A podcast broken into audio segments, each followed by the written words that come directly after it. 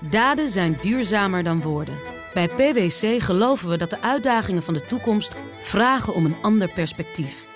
Door deze uitdagingen van alle kanten te bekijken, komen we samen tot duurzame oplossingen. Zo zetten we duurzaamheidsambities om in acties die ertoe doen. Ga naar pwc.nl. De column van Marianne Zwagerman. Ik geloof dat Peter R. de Vries deugt. Ik geloof dat onder al dat narcisme en de ijdeltuiterij een mens zit dat oprecht het goede wil voor Nederland.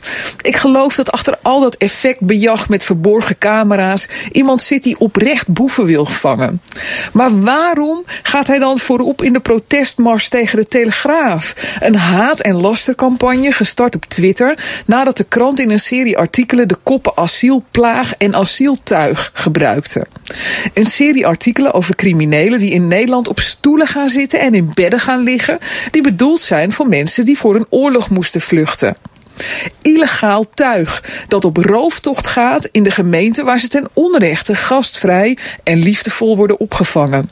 Wat drijft de Vries? Die vraag houdt me bezig, fascineert me zelfs.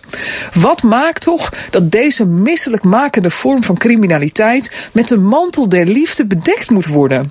Gevaarlijke stemmingmakerij noemde hij de Telegraaf-artikelen. Zijn bericht werd meer dan duizend keer geretweet en zette de sluis open voor duizenden tweets met de hashtag Stop Xenofoob Telegraaf.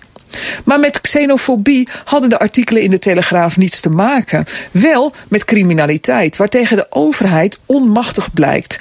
Typisch een thema waarmee de Telegraaf gewoontegetrouw uitpakt, ongeacht de daders. Toen de Telegraaf zich maandenlang vastbeet in fraudeschandalen bij accountantskantoor KPMG, hoorde ik niemand gillen, behalve de accountants. Hoezo is criminaliteit onderzoeken en beschrijven ineens gevaarlijke stemmingmakerij? Notabene uit de mond van de man die daar al jaren zijn vak van maakt. Waarom wordt xenofobie er met de haren bijgesleept? Waar zijn die schreeuwers bang voor? Waarom zijn ze banger voor mensen die de feiten naar buiten brengen dan voor de mensen die crimineel en gewelddadig zijn en onze veilige samenleving destabiliseren? Die vraag houdt me bezig, fascineert me zelfs. In de lastercampagne tegen de Telegraaf, die zo ver ging dat adverteerders en medewerkers werden opgeroepen zich tegen de krant te keren, werd herhaaldelijk de Jodenvervolging erbij gesleept.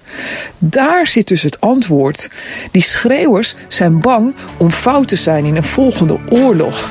Maar hoe bang ben je dan voor jezelf? Column van Marianne Zwageman. En die kunt u terugluisteren als u wil via bnr.nl en de BNR-app. Daden zijn duurzamer dan woorden. Bij PwC geloven we dat de uitdagingen van de toekomst vragen om een ander perspectief. Door deze uitdagingen van alle kanten te bekijken, komen we samen tot duurzame oplossingen. Zo zetten we duurzaamheidsambities om in acties die ertoe doen. Ga naar pwc.nl.